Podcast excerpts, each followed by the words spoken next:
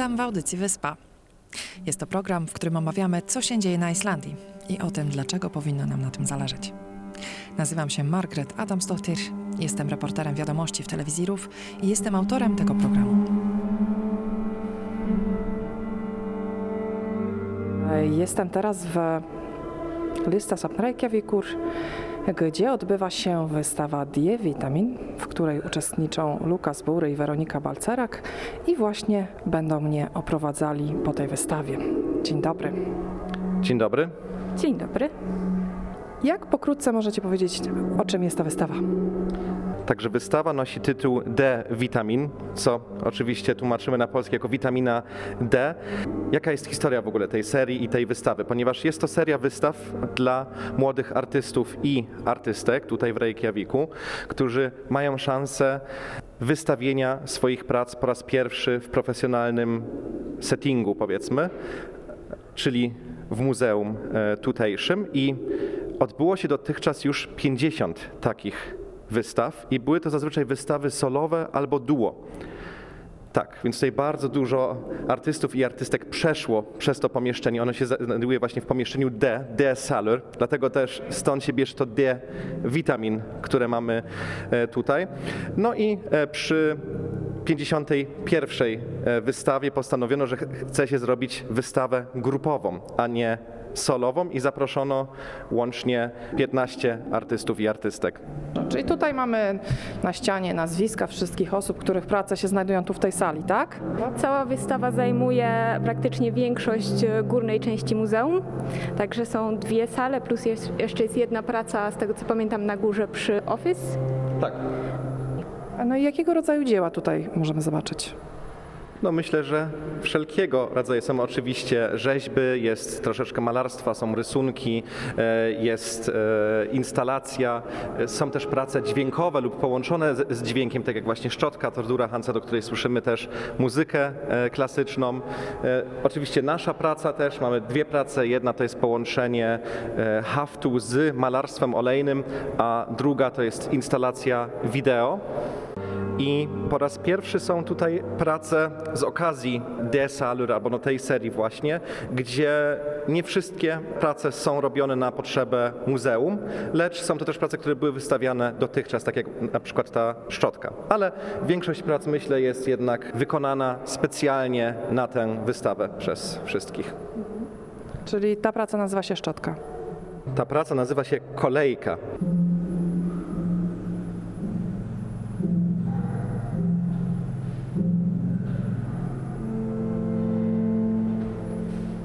Idziemy dalej? Tak. Teraz idziemy do Waszej pracy. Czy tutaj można usiąść na krześle i podziwiać szczotkę? Tak, na tym krześle, który widzimy obok tej pracy, przy performensie, który odbył się przy otwarciu, który jeszcze chyba będzie się odbywał, na przykład przy finisarzu, tak mi się wydaje, siedzi osoba operująca danym instrumentem. To był kontrabas? Tak. To był y, kontrabasem i gra tę melodię, którą słyszymy teraz właśnie z głośników. Tutaj mamy buty z bardzo długim sznurowadłem, a tu mamy Waszą pracę. Jak określić tą pracę? Instalacja wideo byłaby najlepszym określeniem. I to jest Wasza wspólna praca? Tak, to jest e, pierwsza nasza praca e, w instytucji, którą wystawiamy wspólnie, jako e, artist duo. Jak się z tym czujecie? Myślę, że ja bardzo dobrze, nie wiem jak Lukas.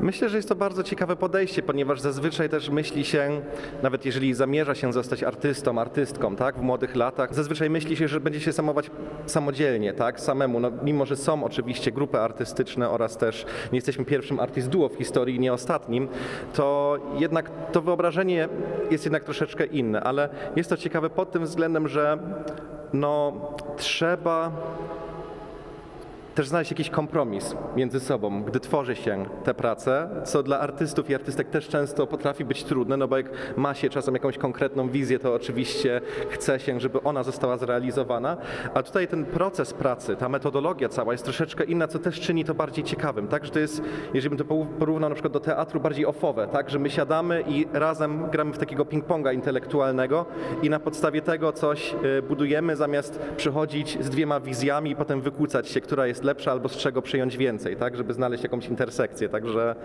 to było naprawdę ciekawe.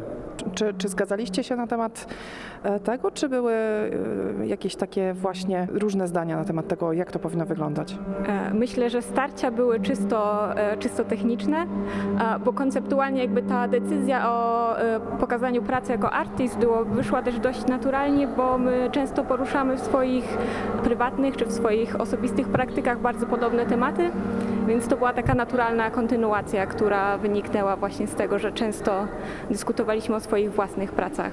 Tak naprawdę przy naszych solowych projektach, jeżeli ja miałem jakiś solowy projekt, to bardzo często Weronika, albo zawsze Weronika przy tym pomagała i wtedy jak Weronika też miała solowe projekty, to ja przy nich jakoś byłem zainwolwowany, więc jakby mieliśmy już też to doświadczenie pracowania razem i też wykonaliśmy parę prac wspólnie w przeszłości, na przykład w minimarkecie, gdzie zrobiliśmy wystawę e, grupową.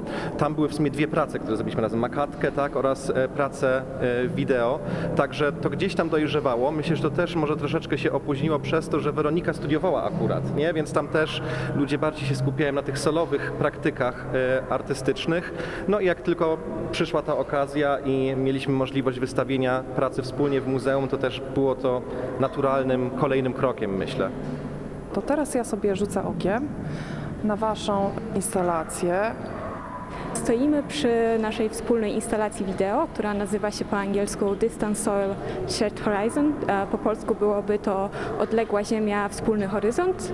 I jest to praca wideo składająca się z dwóch kanałów, na których widać mnie i Lukasa. I te wideo zostały nagrane w mojej rodzinnej miejscowości, blisko byłego pola porzeczki należącego do moich rodziców. Oprócz tego wystawiamy jeszcze jedną e, pracę, czyli obraz olejny namalowany przeze mnie, na który Weronika naniosła haft, który jest planem działki, o którym właśnie wspominała, który nosi tytuł Ponderoza. Nie wiem, czy, nie, nie wiem, czy niektórzy z naszych słuchaczy kojarzą ten serial z początku lat 2000. Jaki to był serial? To był western nakręcony chyba w latach 2000-2001. O ile dobrze pamiętam, nie był on wielkim sukcesem zarówno w Stanach, jak i w Polsce, ale po nim nazwana została część działki, która należy do rodziców czy rodziny Weroniki e, właśnie, ponieważ oglądali ten serial i Ponderosa to było rancho w Stanach, oczywiście w południowych Stanach, więc ironicznie myślę wybrali tę nazwę jako nazwę swojej działki. My oczywiście tę nazwę przejęliśmy jako tytuł. E, No i ta działka jest e, na tym obrazie.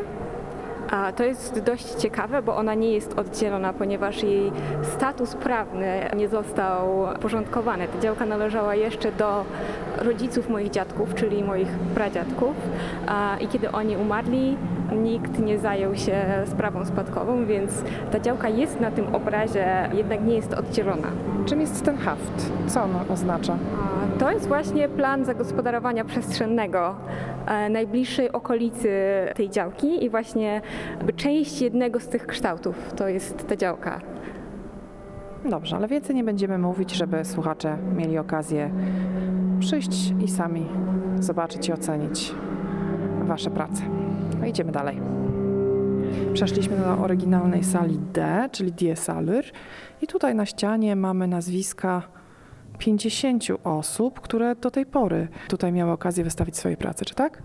Tak, to stąd bierze się nazwa tej serii. Muzeum też jest podzielone na pięć pomieszczeń A, B, C, D, E. I właśnie to pomieszczenie D było przeznaczone dla wystaw młodych artystów i artystek. No i tutaj widzimy wszystkie 50, 51 osób tak naprawdę, ponieważ Klaus i Renate, czyli 50. wystawa, to było duo artystyczne. A na tej wystawie jest kilkunastu artystów. Na tej, która nadal trwa. No i teraz już wystawa nie znajduje się w tej Die Saler, bo ona jest no, dosyć tutaj powiedzmy mała w porównaniu do tej przestrzeni, w której jest e, cała wystawa. Czemu taki rozwój nastąpił szybki? Z, z jednego e, artysty, który miał dla siebie całą salę, nagle powstało całe piętro i wielu artystów naraz. Myślę, że wzięło się to z tego powodu, że już właśnie było 50 osób, tak? I no 50 to jest pewna, powiedzmy, to jest złota rocznica też w pewien sposób. Były cztery wystawy rocznie, zazwyczaj, jedna na kwartał. Chyba w covid to było troszeczkę inaczej oczywiście, ale mniej więcej tyle wystaw muzeum chciało mieć, e, więc 50 podzielić przez 4 około 12 do 13 lat e, wystaw i historii, najnowszej historii sztuki Islandii tutaj No mamy. tak, ale e, 50 jako, jako liczba rzeczywiście może wydawać się taka trochę jubileuszowa. Tak, i myślę, że właśnie przy tej 51 chciano zrobić coś troszeczkę inaczej, a też, że jest tutaj dużo open calli na wystawy solowe w Reykjaviku tak naprawdę, to myślę, że muzeum chciało zrobić coś innego. Do tego zainspirowali się, tak jak już Weronika mówiła, tą wystawą Ida Wettler, która była podobną wystawą tylko artystów i artystek powiedzmy troszeczkę starszego pokolenia, może 10 lat starszych od nas, tak? Czyli nie tych, którzy dopiero co skończyli uczelnię w ciągu ostatnich 5 lat, powiedzmy, i którzy już też mieli historię wystaw w instytucjach typu muzeum. E, No a tutaj mamy tak naprawdę osoby, które no, nigdy nie wystawiały dotychczas e, solowych wystaw, bynajmniej w muzeum tutejszym. Właśnie, tu widzimy głównie nazwiska islandzkie, ale widzę też trzy e, zagranicznie brzmiące nazwiska. Do tej pory jest e, w takim razie pięciu artystów, którzy są nieoryginalnymi Islandczykami, którzy wystawiali tutaj swoje prace.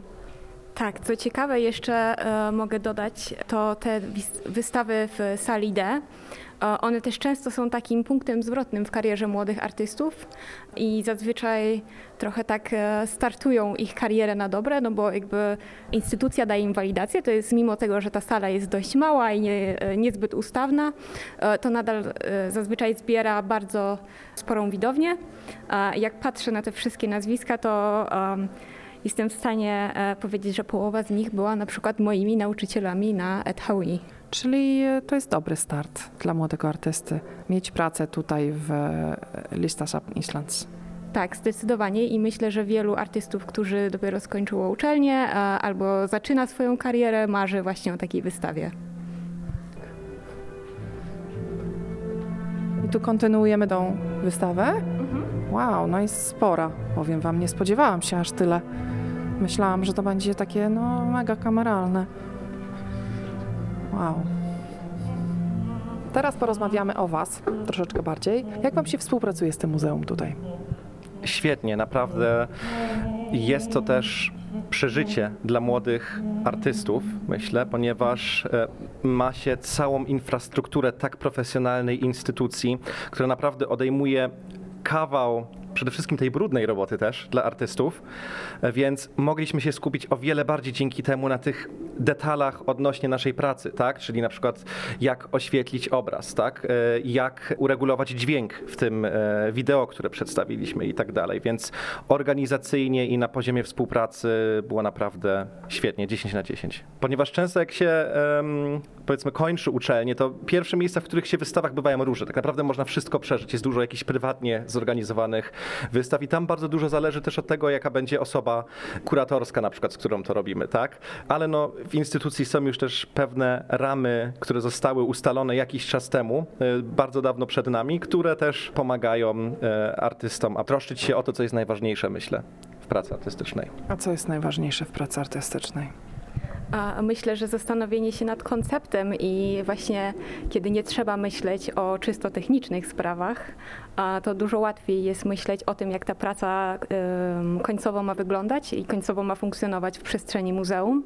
Z tej strony chcielibyśmy chyba wspólnie bardzo podziękować e, Forsteinowi i Adalsteinowi. Forstein to był nasz kurator, a Adalstein to jest, e, jak byś to nazwał, osoba techniczna, Jakby szef od techniki, jakby tak, główna osoba od techniki w tej muzeum. a, która też sprawiła, że pracowanie tutaj to była wielka przyjemność, bo nie musieliśmy się martwić nad na przykład wierceniem w suficie, żeby zamontować e, projektory czy głośniki. Czyli mówicie mi, że jeżeli na przykład to nie byłoby muzeum, tylko byłaby to na przykład prywatna galeria, to wtedy musicie sami tą instalację wykonać, y, włączywszy wiercenie i wieszanie jakichś projektorów? To zależy jaka to jest galeria, ponieważ jeżeli jest to też powiedzmy taka bardzo sprofesjonalizowana galeria sprzedająca sztukę e, współczesną, to myślę, że nie. Tam nie trzeba e, robić tych rzeczy samemu, no ale w takich właśnie artist run space'ach, inde- independent, czyli niezależnych miejscach wystawniczych albo w mniejszych galeriach, dużo trzeba robić e, samemu. I to też jest fajne, nie? Tylko, że fajny też jest ten kontrast do tego. Raz na jakiś czas właśnie przeżyć i mieć przez to troszeczkę więcej czasu na, no, na samą sztukę w tym wszystkim. Rozumiem, że po ukończeniu szkoły po prostu zagwarantowane jest wystawienie swojej pracy tu w muzeum. Jakie są jakby warunki tego? Nie, absolutnie nie. To działa na tej zasadzie i to poprzednie 50 wystaw e, w Die Salur, tych solowych i wystawa Die Vitamin. Muzeum po prostu ogłasza, chciałabym powiedzieć nabór po polsku, ale po prostu można wysłać swoją aplikację. E, Oczywiście zazwyczaj jest wielu, wielu chętnych. E, Tak samo było w przypadku tej wystawy. Z tego co pamiętam było, była ponad setka aplikacji i wtedy zarząd muzeum spośród tych wszystkich aplikacji wybiera artystów, którzy e, końcowo e, znajdą się, znajdą się w przestrzeni. No i jest to wielkie wyróżnienie, tak? bo praktycznie 10% aplikacji tylko zostało zaakceptowanych. Gratuluję. Dziękujemy. Tak, to może opowiem jeszcze o tym kontraście e, między muzeum a właśnie przestrzeniami, powiedzmy, które są artist run, czyli zarządzane przez artystów, czy też mniejszymi galeriami. To zazwyczaj polega to na tym, że młodzi artyści, młode artystki sami się w jakiś sposób organizują, tak? Czyli piszą, powiedzmy, koncepty swoich prac, wykonują je, kontaktują się z miejscami, które mogłyby ich pracę potencjalnie wystawić. No i wtedy, jeżeli oczywiście jest obu, e, obopólna e, zgoda, to dochodzi do takiej wystawy i wszystko się robi tak naprawdę samemu od podstaw i jak mówię, wszystko to jest to i marketing, i reelsy, i fotografie, i dokumentacje, i pisanie tekstów, i wysyłanie press release'ów, y, i sama praca artystyczna oczywiście, wiercenie, y, instalacja, deinstalacja, transport, no całe logistyczne, że tak powiem, przedsięwzięcie. Więc tak, to jest ten kontrast, który jakby daje się tym młodym artystom tutaj też i tę możliwość. Myślę też właśnie, żeby mogli wyjść na swoje, na jakieś kolejne wyżyny, tak, swojej twórczości artystycznej, nie? No bo jeżeli odchodzi dużo tej pracy, no to jasne, że możemy skupić się na, no, na tym szlifowaniu tego, o którym już mówiłem parę razy dzisiaj. No i do maja e, tak jakby odbywa się ta wystawa, a co potem? Jakieś plany już są? A Są, chociaż chyba jeszcze nie możemy o nich do końca oficjalnie mówić. Planujemy dalej wystawiać jako artist duo. Mamy już kilka pomysłów. Też cieszymy się z wyjazdu na Biennale do Wenecji, e, które odbędzie się w kwietniu, ale e, jesteśmy częścią reprezentacji islandzkiej, można tak powiedzieć. Delegacji. Delegacji. Także to jest na pewno w najbliższych planach. A reszta to zobaczymy, co los przyniesie. Jak wygląda życie artysty? Nie wiem, czy na Islandii, czy, czy ogólnie, e, bo, bo jak wiadomo, to e, jakakolwiek sztuka, nie, niekoniecznie, e, tak jak w Waszym przypadku, wizualna, ale wiadomo, aktor, piosenkarz, jakikolwiek twórca, no może się zmagać z tym, że niekoniecznie jest to łatwy chleb. Jak to jest w Waszym przypadku?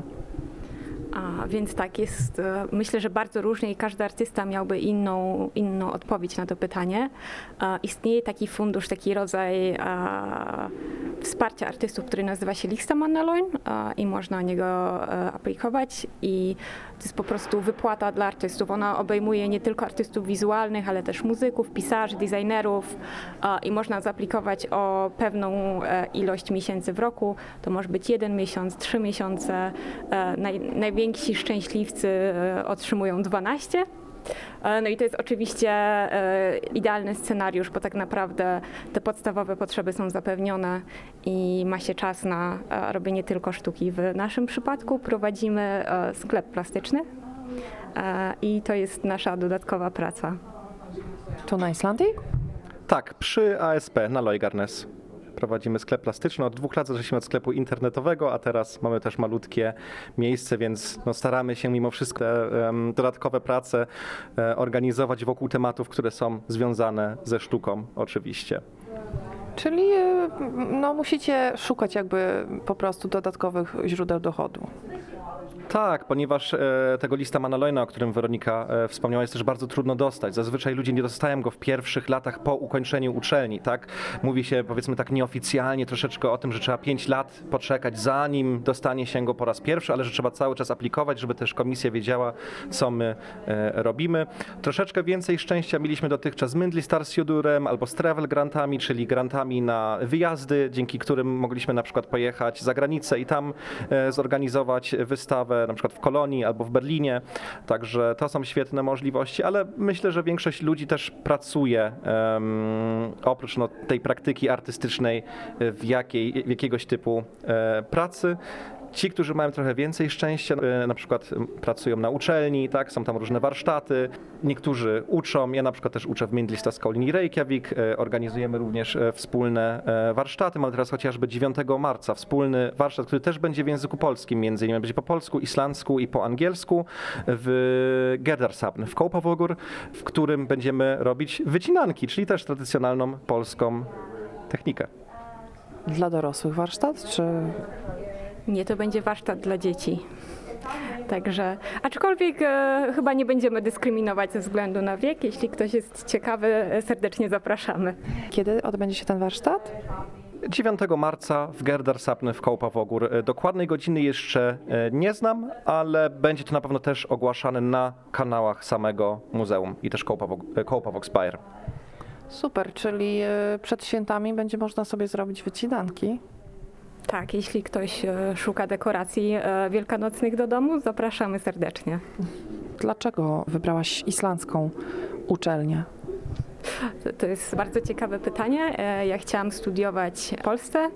Nawet ukończyłam e, na warszawskim ASP taki kurs przygotowujący na katedrze właśnie grafiki warsztatowej, ale niestety moje zdolności, jeśli chodzi o rysowanie i malowanie, e, nie pozwoliły mi na dostanie się e, na polskie ASP, więc zrezygnowałam z tego pomysłu. Potem przeprowadziłam się na Islandię i ten pomysł jakby nigdy mnie nie opuścił, a że tutaj proces aplikacji na uczelnie artystyczne wygląda zdecydowanie inaczej i nie jest tak wielki nacisk kładziony właśnie na te zdolności typowo plastyczne, a no to udało mi się za pierwszym razem dostać, z czego bardzo się cieszę.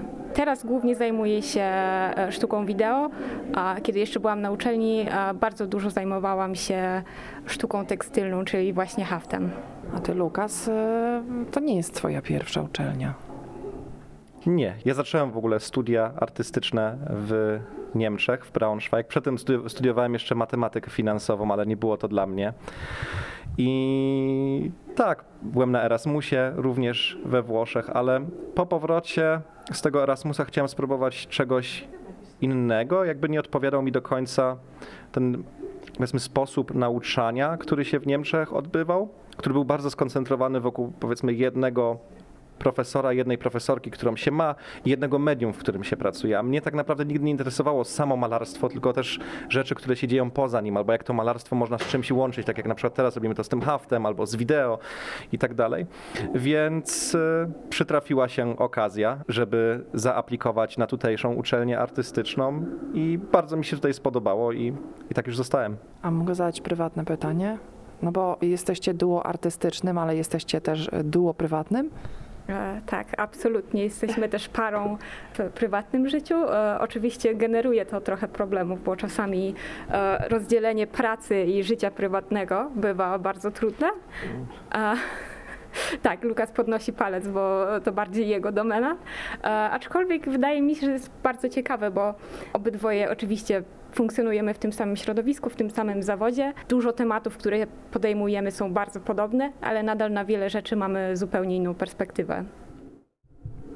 Tak, no bo ja niestety jestem tą osobą, która na przykład potrafi prokastrynować w godzinach biurowych przez 4 godziny, ale potem o 23 potrafię mieć jeden pomysł na aplikację kolejną albo na kolejną pracę i zaczynam się oczywiście nim dzielić i biegać e, zadowolony i szalony. Czyli nie jesteś porannym ptaszkiem. W nocy masz pomysły.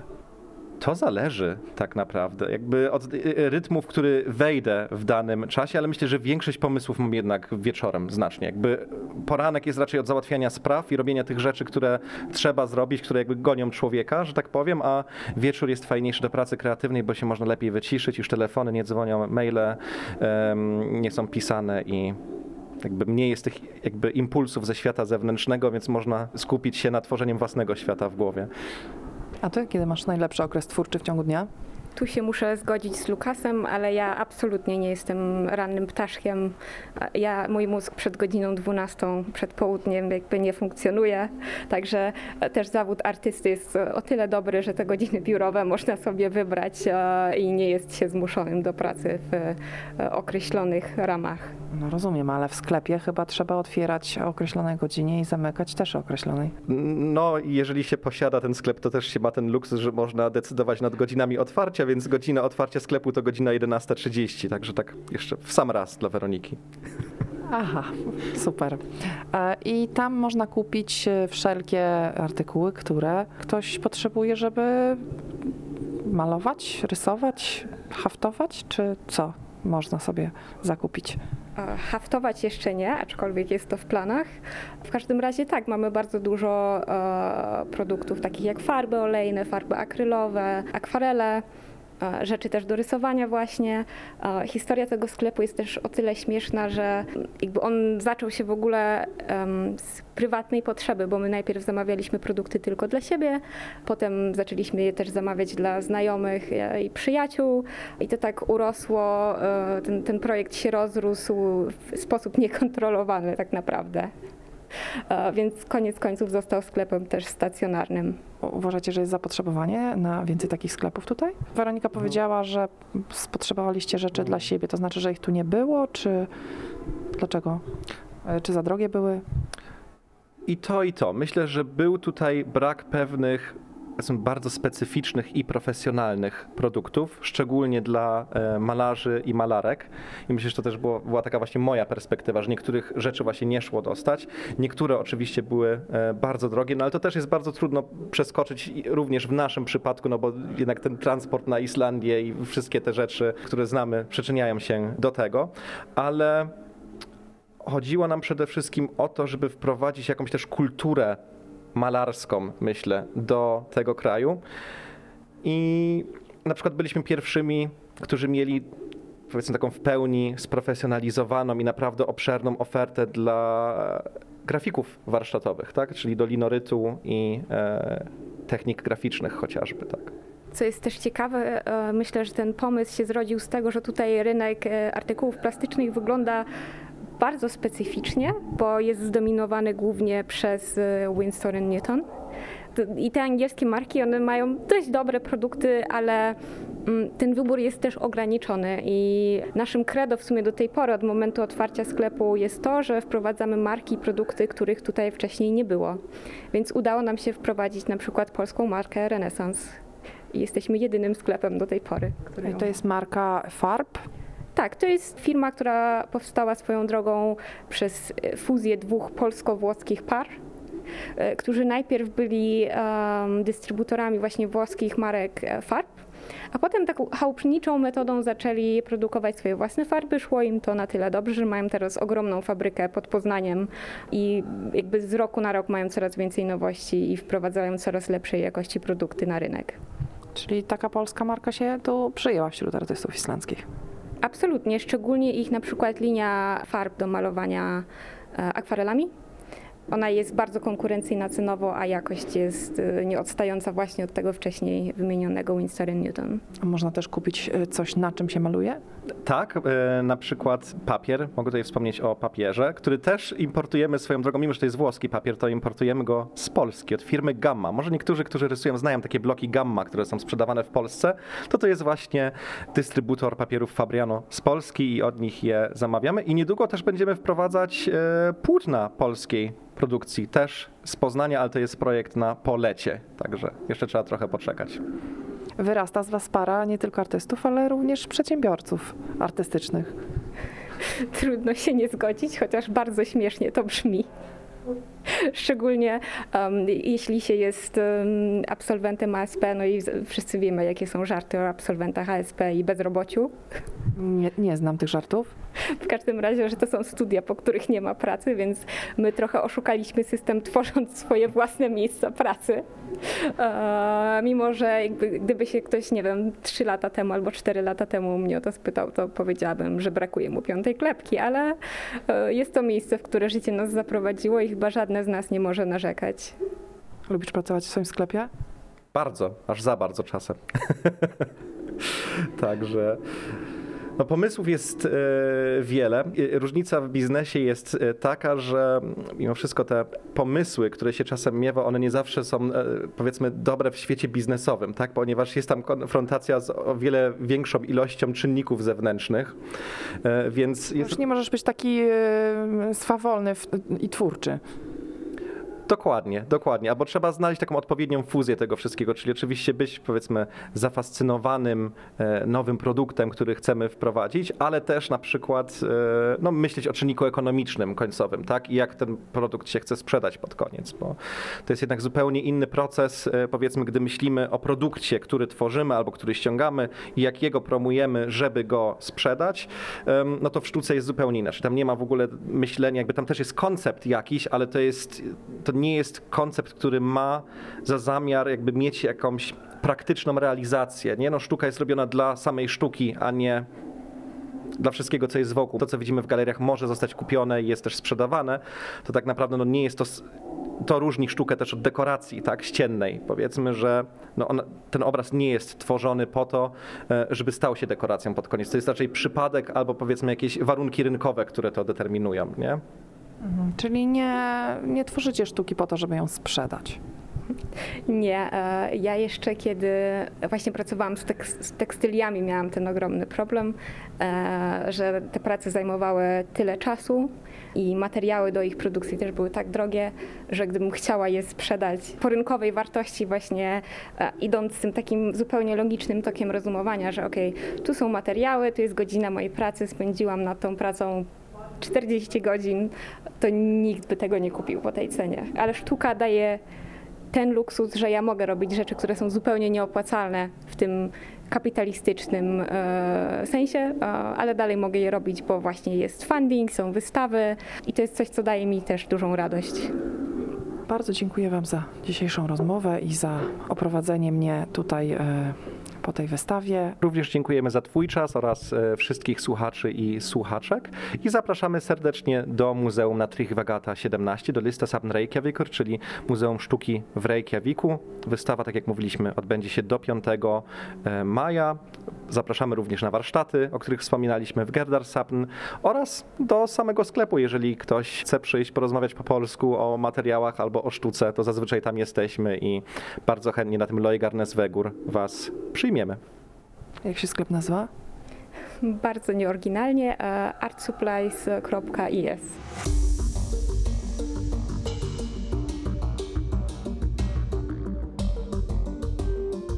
Hafdis Hult to piosenkarka i aktorka. Swoją karierę rozpoczęła z zespołem Guskus w 1995 roku, który opuściła 4 lata później i od tamtej pory śpiewa głównie solo.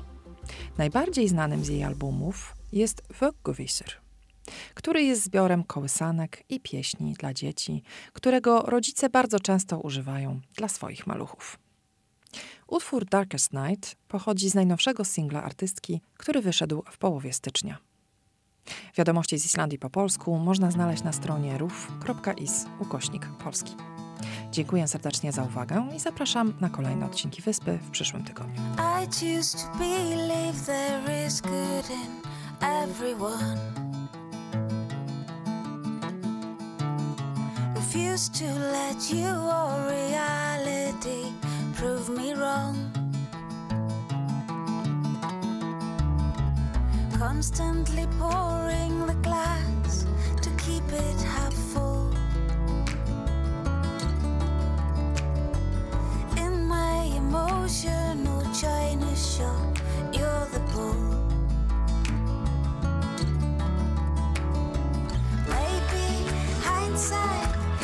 is the key. I wish I could go back. One, two, three, just quickly. Younger there are some bad fish in the sea.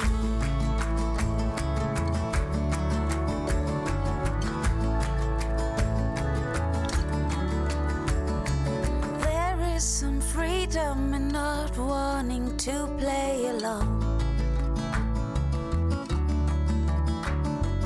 Maybe I just wanna march to my own drum.